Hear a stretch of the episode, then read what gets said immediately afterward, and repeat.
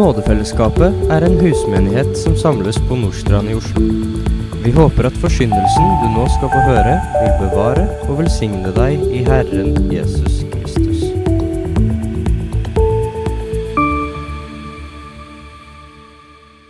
Vi har som sagt kommet til siste del av eh, bergprekenen. Og det er jo på en måte interessant at Jesus han velger å avslutte hele sin tale her, denne lengste talen som vi i hvert fall har gjengitt av Jesus, med på mange måter å si at stormen kommer. Og Man kunne lure på hvor liksom positivt og hvor, hvor pedagogisk det da var å liksom slutte på den måten. Og så har alt leda opp til dette om at stormen, den kommer. Og det er jo fordi at det er realiteten her i verden, at den stormen den vil komme til hver enkelt av oss. Det er det som vil kulminere, er jo et sånt fint ord, men det er det som vil ende på en måte for hver enkelt av oss med akkurat det. Enten det skjer stille og fredfylt eller i mer dramatiske omstendigheter, så er det en storm som kommer. Og Så skal vi avslutte bergpreken i dag med påskemorgen som bakteppe.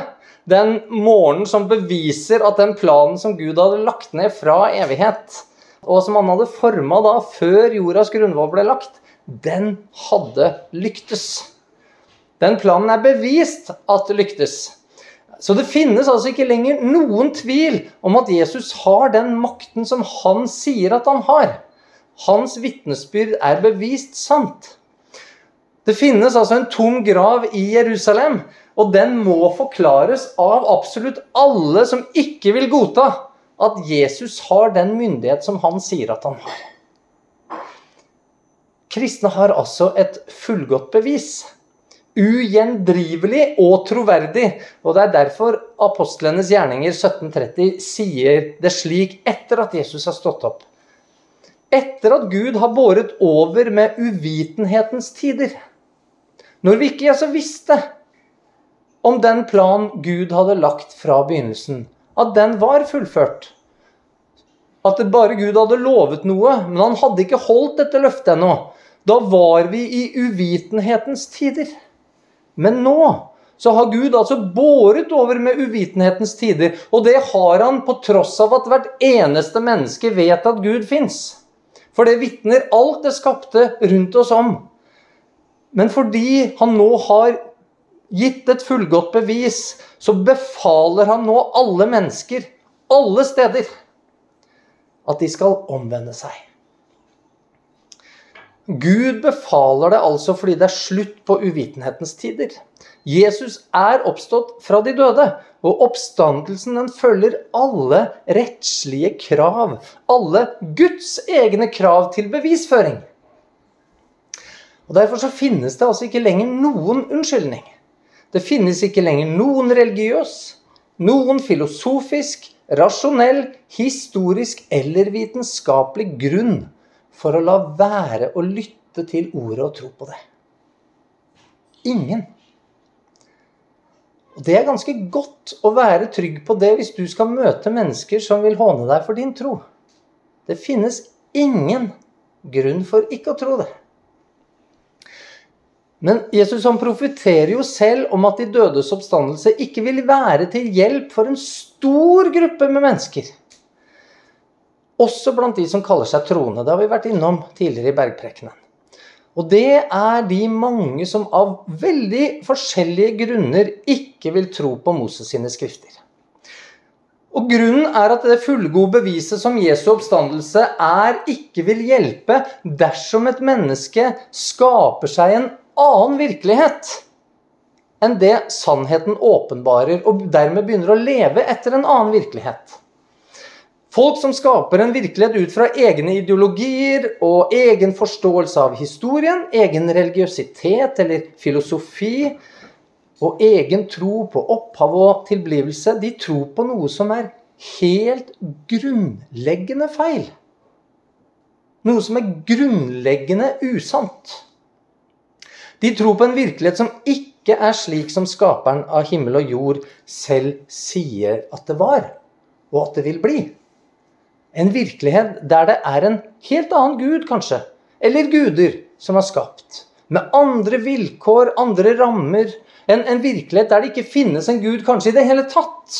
En virkelighet der det materielle er alt som eksisterer, og det en tror på, er en vitenskapelig umulighet av at alt er blitt til av seg selv. Og Dersom man tror på noe av dette, tro på en virkelighet som fraviker fra den virkeligheten som du finner i Moses sine skrifter, så hjelper det ikke med de dødes oppstandelse, sier Jesus. Det gjelder enten du kaller deg kristen eller muslim eller humanist.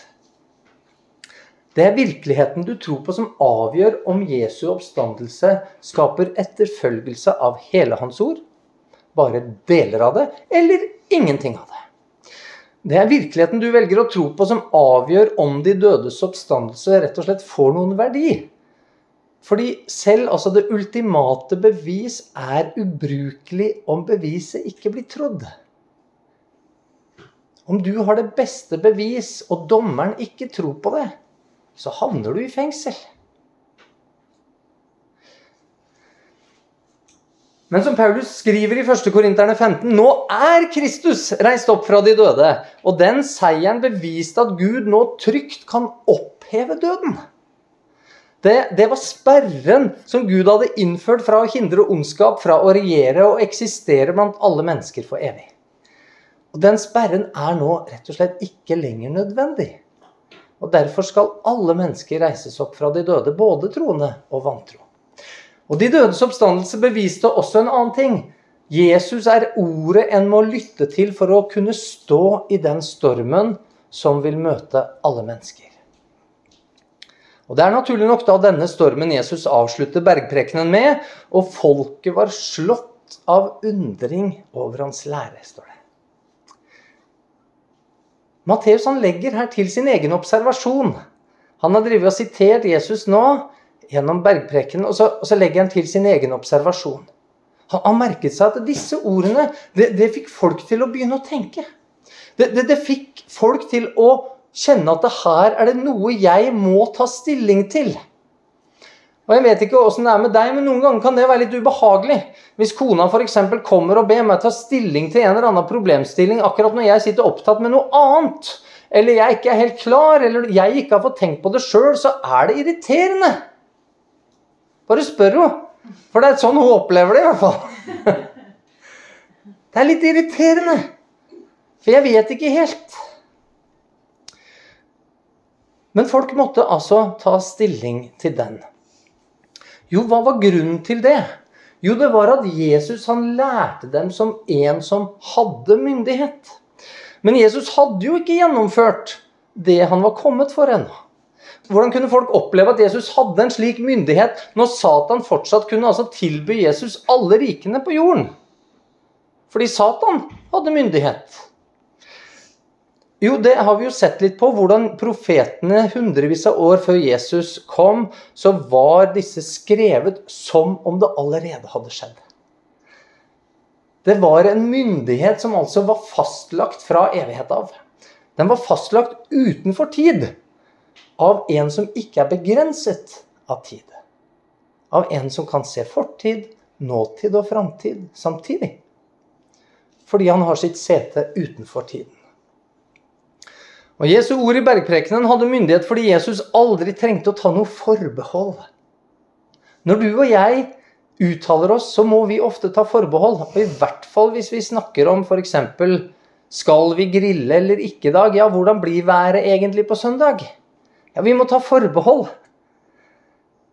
Men Jesus han trengte ikke å ta noe forbehold for om han skulle lykkes. For om det han sa, var sant eller ikke. Og Jesus han talte med myndighet fordi han er Guds ord. Og folket merka seg altså dette her og undra seg. Og Dette er sånne små innstikk som jeg syns er så fint, fordi at Matteus som menneske legger merke til dette, så sier han at det, måten Jesus talte på, det var annerledes enn alle de andre lærerne i landet. Og For deg som lytter i dag, så er jo ikke denne myndigheten svekka på noe måte av at det er gått 2000 år. Veldig mange der ute vil si ja, det der skjedde jo for så lenge siden osv. Og, så og prøve å uniminere den myndigheten. Men det er faktisk snarere tvert imot, venner. For du og jeg, vi lever i ettertid av stadfestelsen av at denne myndigheten stemte. Vi lever i en tid der vi vet at profetiene er oppfylt. Vi lever tross alt i en tidsregning som er beskrevet, selv om mange prøver å skjule det etter hvert, i et før og et etter at denne Jesus kom. Den tomme grav i Jerusalem, den er fortsatt tom. Det har aldri vært en tid i menneskets historie som mer enn i dag gir deg og meg grunner for å lytte til hva Jesus sier om den stormen som kommer. Derfor Vær den som hører disse mine ord og gjør etter dem, han blir lik en forstandig mann som bygde huset sitt på fjellgrunn. Det huset du sitter i nå, der denne undervisningen skjer, det står på fjellgrunn. Det kan jo du selvsagt ikke vite noen ting om. Du er overgitt til å måtte tro meg på mitt ord når jeg sier det. Det er mitt vitnesbyrd som bygger av dette huset, at jeg selv har gravd meg ned og fundert det solid ned på berggrunn.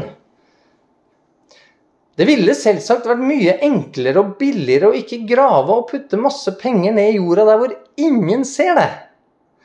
Jeg kunne heller ha brukt pengene på en mye flottere fasade, f.eks. Jeg kunne ha lagd et svømmebasseng. Jeg kunne i det hele tatt putta på litt mer bling. Og da kunne jeg jo blitt litt misunt, kanskje. Litt beundra av de som kom, eller de som så. Og så ville jo en eventuell beundring og misunnelse vært veldig liten grunn for å ha. Bokstavelig talt. Hvis huset ikke hadde grunnmur. Det å beundre og misunne en som er så dum at han ikke har lagt et skikkelig fundament og grunnmur, det ville vært ganske grunnløst. Og likevel, venner, så lever vi faktisk slik at de aller fleste mennesker er nettopp slik.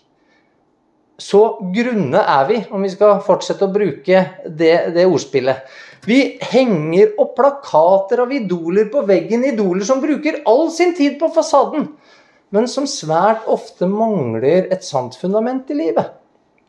De henger der på veggen, eller de leses om i magasiner, eller de blir sett på i filmer, og de blir dratt fram i reality-programmer og show, og det brukes masse ressurser på å dolle de opp og retusjere bildene og, og la dem komme til orde med all mulig slags overfladisk pjatt. Og likevel så er de beundra, og de er misunt, og det, det er så grunnløst. Det er like grunnløst som å beundre en byggmester som har bygd et hus som ikke er fundert på en grunnmur. Noe som er bygga enten uten grunnmur eller sikra oppå med gode strukturer oppå.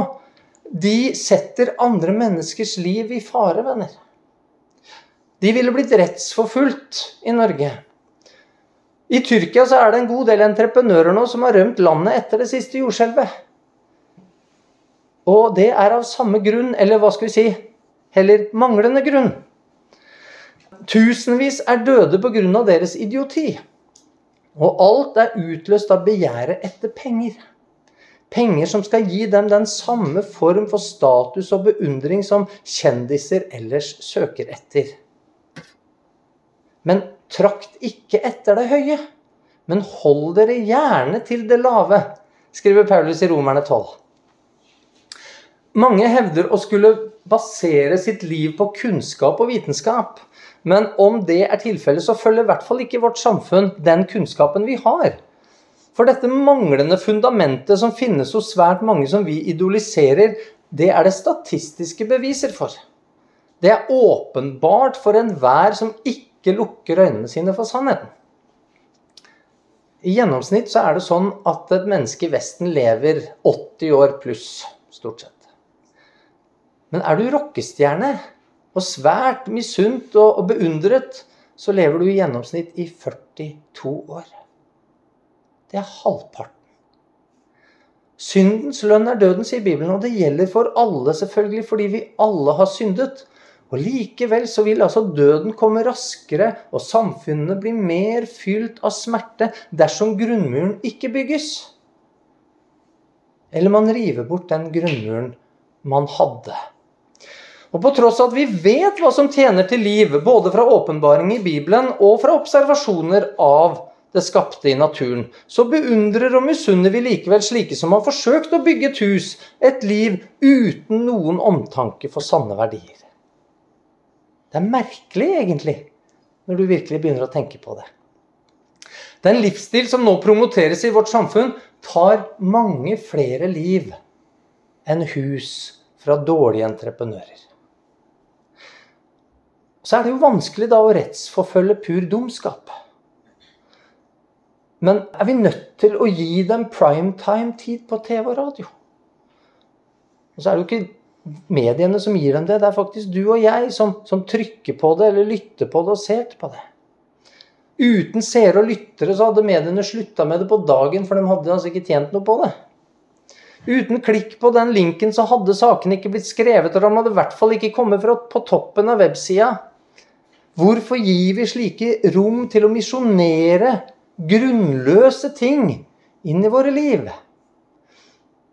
Jo, er det ikke fordi det er noe i deg og i meg som, som lokker og drar deg mot det? Jeg kan kjenne det sjøl. De er flinke til å formulere headinger der på nettet, og så har jeg lyst til å klikke, og så må jeg stoppe og tenke Er dette noe jeg burde lese? Men impulsreaksjonen er å trykke. Er det ikke fordi du og jeg stadig lar oss lure av løgnen som hele tiden vil skape et inntrykk av et liv som blir levd sånn uten fundament, uten regler og rammer? Det, det, det ser så fint og så, så, fritt og så godt ut. På denne tomta her så har jeg ikke lov til å bore dypt uten å søke kommunen først. Og Grunnen til det er at jeg kunne veldig fort komme til å treffe noen ting der nede i fjellet. For dette Ekeberget er nemlig gjennomhulla av forskjellige installasjoner, sånn som oljelagre, Follobanetunneler og, og en del andre ting. Og det hjelper veldig lite å bygge hus på fjell om en samtidig ødelegger fjellet ved å uthule det med løgner. En må, som Jesus sier i Johannes 8,32 til de som da var kommet til tro på han, kjenne sannheten. Og sannheten skal frigjøre dere. En må altså i overført betydning vite at det fjellet en bygger på, faktisk er trygt. At det ikke er gjennomhulla, at bergarten tåler vann og vind i store mengder. Dette er faktisk et stort problem borte i Florida. For der er det mye bergarter som blir uthula av vann. Og plutselig så bare åpner bakken seg, og det som var solid grunn, det viser seg å være en dyp hule under deg på en 20-30 meter dypt. Og uff, så sluker det både hus og mennesker. Du må vite at du kan bore dypt ned for å kunne forankre ditt liv grundig. At Jesus han peker på fjellgrunn, det, det har en lang tradisjon i Bibelens billedbruk. Og Jeg hadde lyst til at vi skulle se litt sammen på denne tradisjonen som Jesus underviser fra. Og Da begynner vi naturlig nok i den første boka. Der kan vi lese Jakob som profeterer over sine barn. Og Når han velsigner Josef, så sier han men fast og sterk er hans bue, hans hender og armer er raske. Hvorfor er det slik med Josef? Er han veldig annerledes enn andre mennesker? Jakob han fortsetter og sier hvorfor han Det er fordi han er styrket ved hans hender, som er Jakobs veldige. Hvem er det, da? Jo, av ham som er hyrden. Israels klippe. Hvordan visste Jakob at den veldige også var hyrden?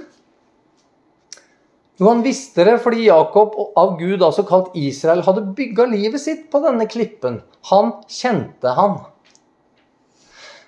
Moses han måtte derimot konstatere i sin avskjedssang i 5. Mosebok 32 noe annet om Jakobs etterkommere.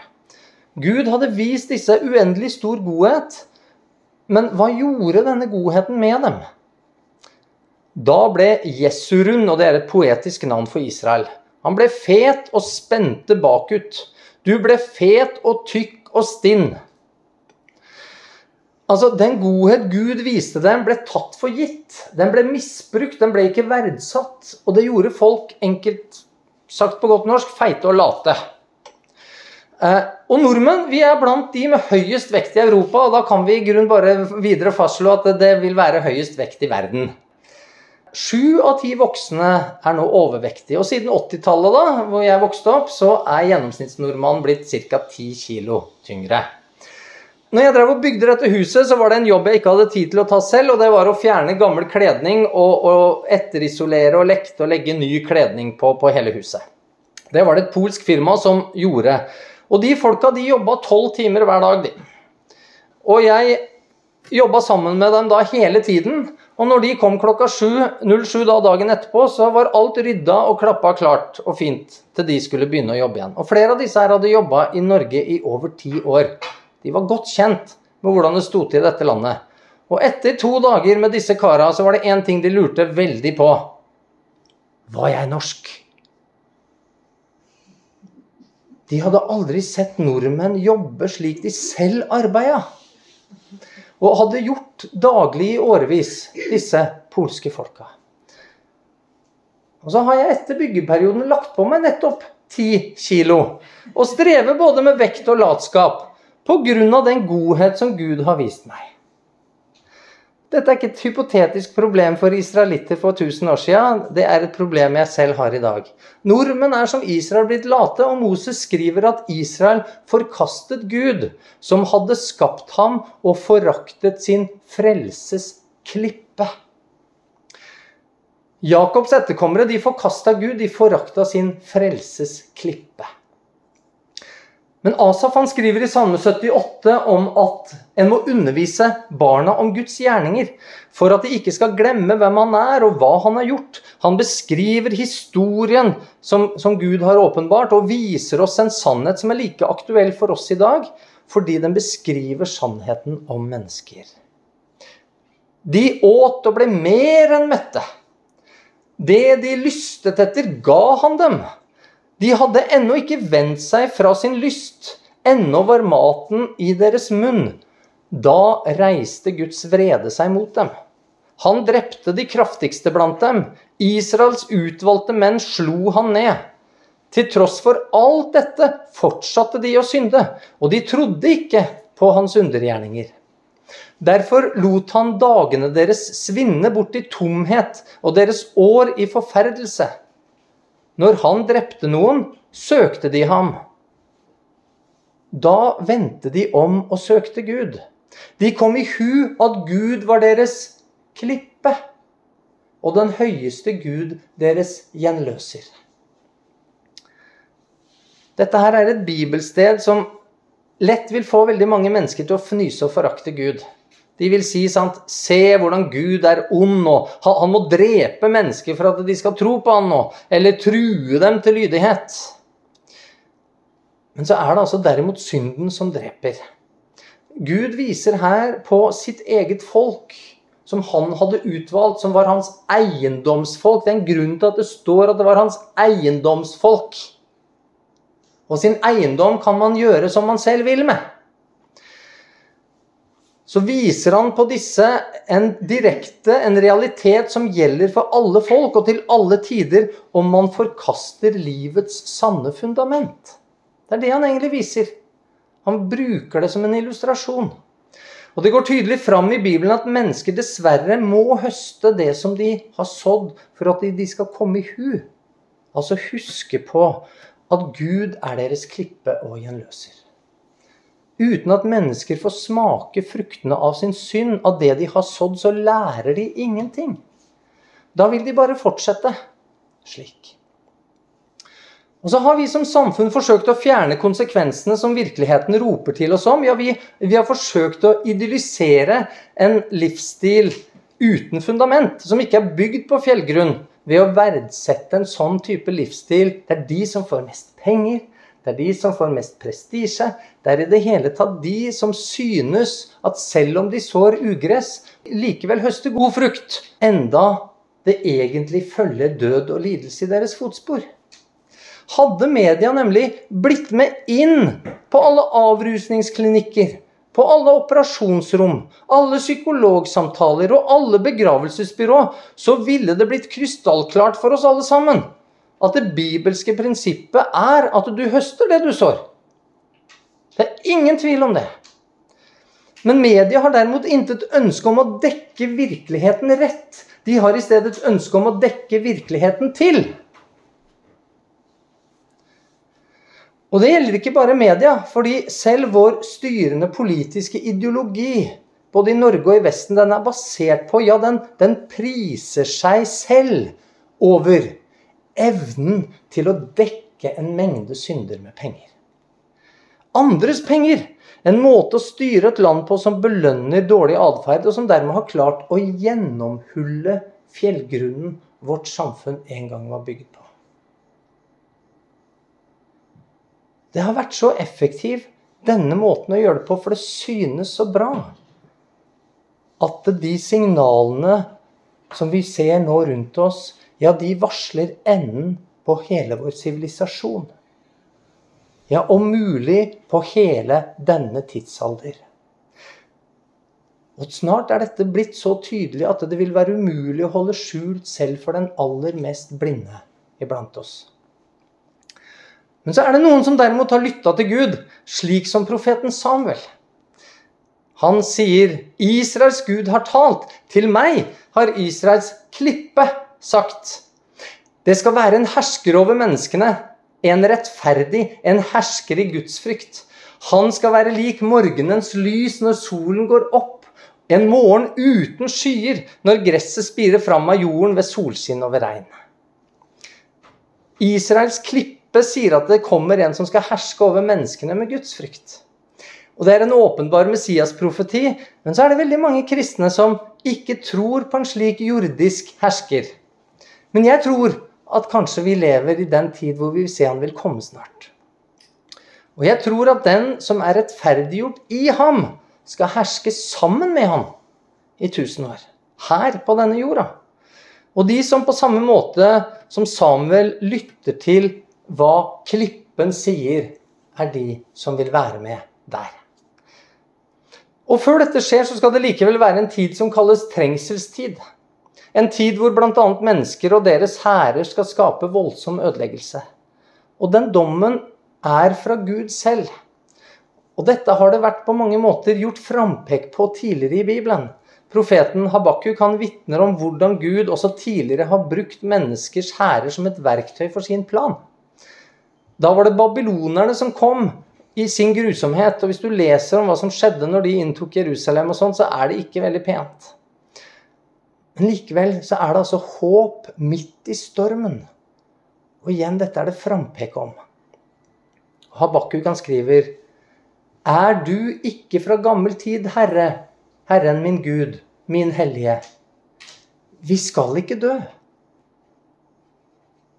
Herre, du har satt dem, altså babylonerne, til å fyllbyrde dom. Du, vår klippe. Du har gitt dem fullmakt til å straffe.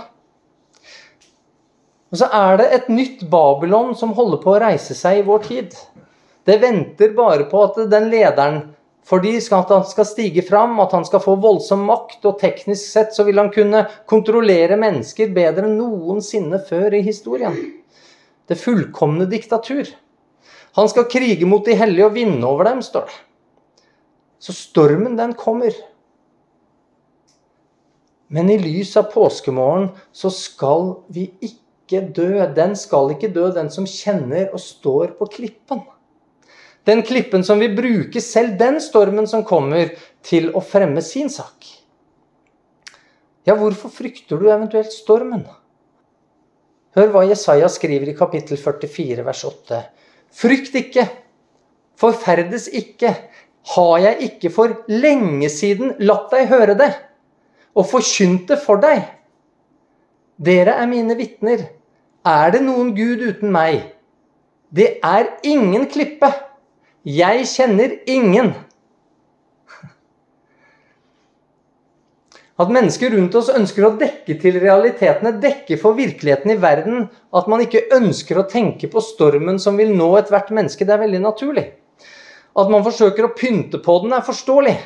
Døden er menneskets siste fiende. Den kan ikke pyntes på uansett hvordan den kommer. Men dere, dere som har lytta til det klippene har sagt fra begynnelsen, som vet at det var godt, og at det vil bli godt igjen. Som vet om hyrden, om frelseren, om gjenløseren, alle disse uttrykkene som vi har sett nå på. Og vet at Gud har forkynt alt om virkeligheten og om stormen som kommer for lenge siden, før det skjedde. Er du hans vitne? Er du fornøyd med at ditt hus blir stående om alle andre blir lagt øde?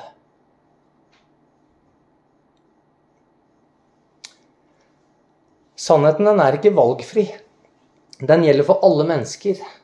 Det er ingen Gud uten én. Det finnes ingen annen klippe. Gud sier det selv. 'Jeg kjenner ingen'. Og han vet alt, så han burde vite det. Det betyr jo derimot ikke at mennesker ikke vil forsøke å lage seg en klippe. En tro som de vil klynge seg til. Men Moses han beskriver det rett når han sier 'for deres klippe er ikke som vår klippe'. Og Så sier han at selv fiendene våre kan erkjenne det.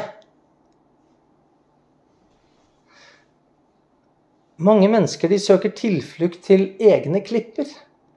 Til klipper laget i deres egen fantasi og sin egen filosofi. Ja, når den ultimate storm kommer, venner, så står det beskrevet at de faktisk helt bokstavelig vil søke til klippene. Gå inn i fjellet og gjem deg i støvet for Herrens gru og for Hans høyhets herlighet, skriver Jesaja i kapittel 2 vers 10. Og beskriver altså hvordan mennesker vil forsøke å søke tilflukt fra Gud. Johannes' åpenbaring 6 beskriver akkurat det samme slik. Kongene på jorden og stormennene og hærførerne og de rike og de mektige, hver trell og hver fri mann, gjemte seg i hulene og mellom berghamrene. Alle som ikke har bygget huset på fjellgrunn, vil nå gjemme seg fra den sanne fjellgrunn i fjellet. Ironisk nok. Men dette vil derimot ikke lykkes, fordi fjellene vil ikke bli som en klippe for dem. Og det er fordi at det er han som har skapt fjellene og klippene. Han kommer til å gjøre noe på den dagen. Og jeg tror ikke det er tilfeldig. Og jeg så da lammet åpnet det sjette seil og se, det ble et stort jordskjelv, og solen ble svart som en sekk av hår, og hele månen ble som blod, og himmelens stjerner falt ned på jorden som et fikentre kaster ned sine umodne fiken når det ristes av sterk vind. Og himmelen vek bort liksom en bokrull som ruller sammen. Og hvert fjell og hver øy ble flyttet fra sitt sted. På den dagen skal hvert fjell flyttes fra sitt sted. Den dagen hvor mennesket søker sin tilflukt til klippene så skal Gud ryste hver eneste klippe. Det vil ikke være én trygg plass, selv i den dypeste fjellbunker. Det er Guds ultimate måte å forkynne for alle at det finnes kun én klippe som kan frelse. Og det er mitt vitnesbyrd til deg i dag. Om du vil tviholde på din egen klippe, så hør hva mennesker vil be om når de helt bokstavelig talt erfarer at det de har gjort til sine klipper, ikke holder. De vil si til fjell og klipper, fall over oss og skjul oss fra hans åsyn, som sitter på tronen og for lammets vrede, for deres store vredesdag er kommet. Og hvem kan da bli stående?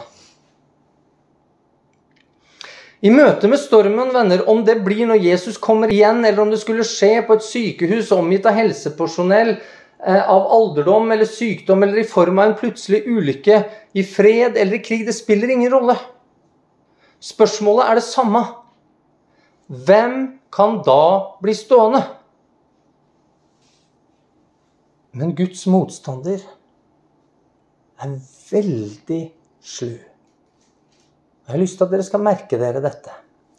For han bruker gjerne Bibelen. Han bruker gjerne noe som gir seg ut for å være en kirke, for å kunne peke på en annen klippe. Peter han kommer med sin store bekjennelse i Matteus 16. Han bekjente at Jesus var Messias, den levende Guds sønn. Og i hans eget brev, i 1. Peters brev, så er det han som innbyr mennesker til tro. Og så sier han, 'Kom til Han', den levende stein, som vel ble vraket av mennesker, men er utvalgt og dyrebar for Gud.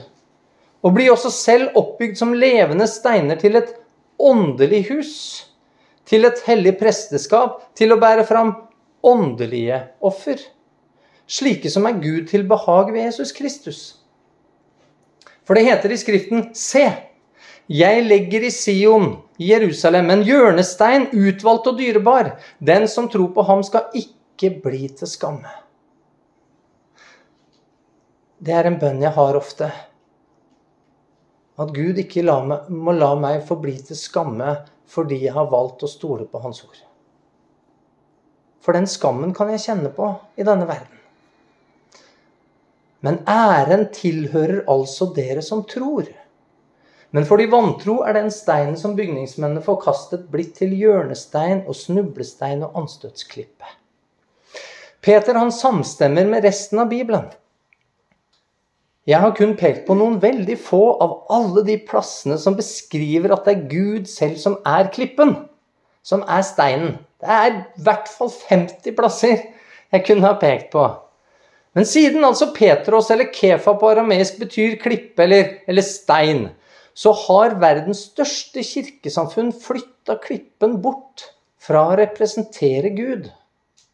Selv om hele Bibelen sier at klippen er Gud, inkludert Peter selv, så har den katolske kirka flytta klippen Jesus skal bygge sin kirke på, bort fra Jesus og over på Peter.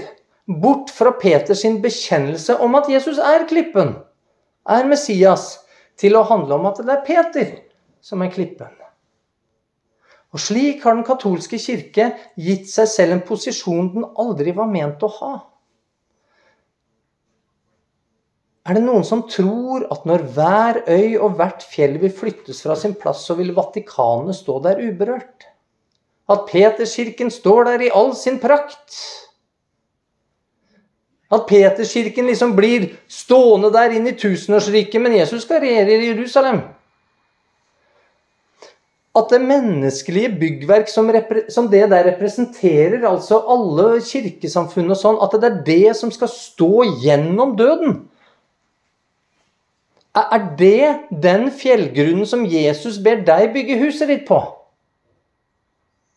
Men Gud har vi allerede lest. Han kjente ingen andre klipper, han. Og hva ellers sier Bibelen det? Finnes det en annen klippe enn Gud? Eh, er det, er, det, er det, noe som Gud har liksom outsourca den jobben til? Å være klippe? Hei, er det noen der på jorda som kan tenke seg å, å, å ta på seg klippefunksjonen her?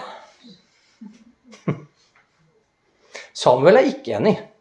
Han skriver i 1. Samuel 2,2.: Ingen er hellig som Herren, for det er ingen uten deg. Det er ingen klippe som vår Gud.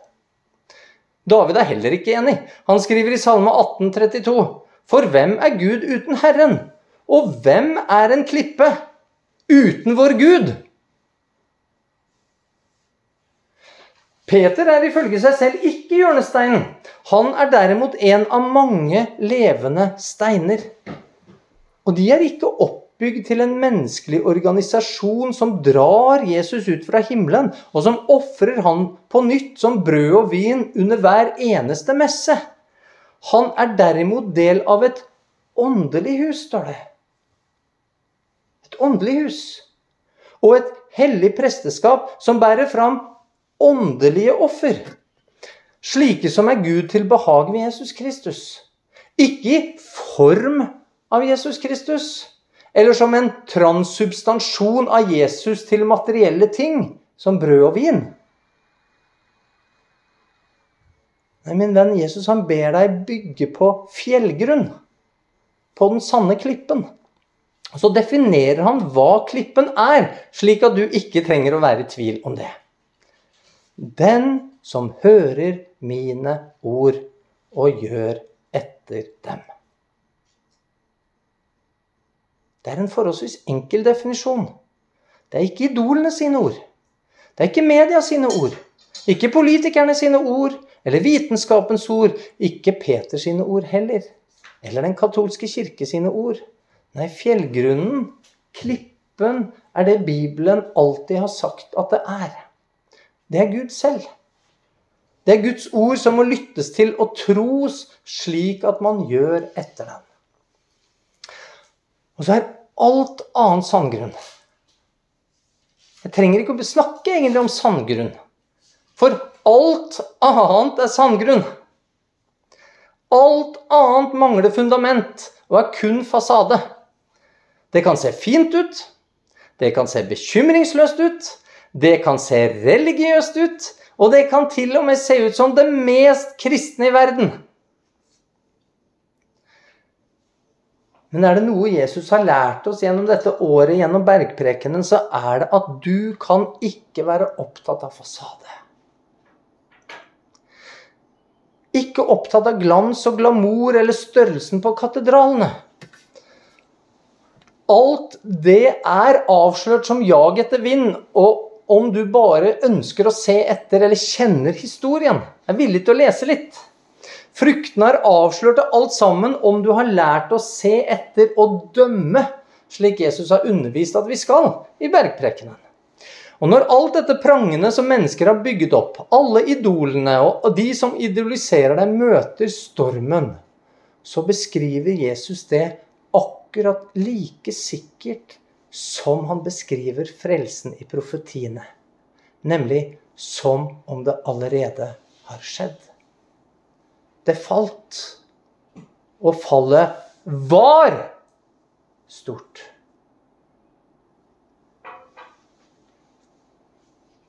Det er avgjort. Det var stort. For stormen, den kommer.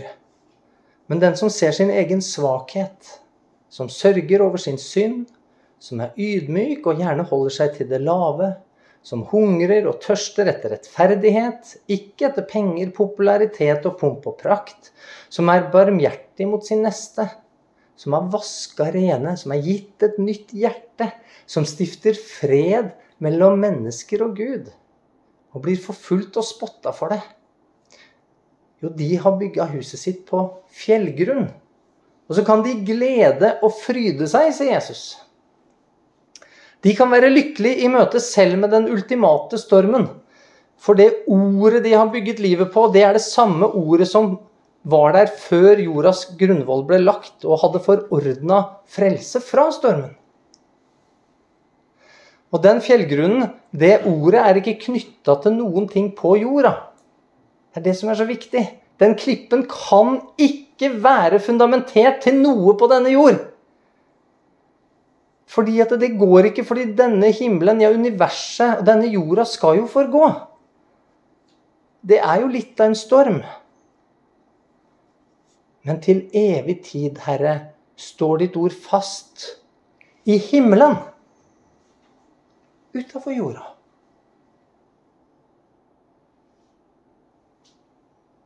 Og derfor så skylte regnet ned. Og flommen kom. Og vindene blåste. Det kasta seg mot dette huset. Men det falt ikke. For det var grunnlagt på fjell.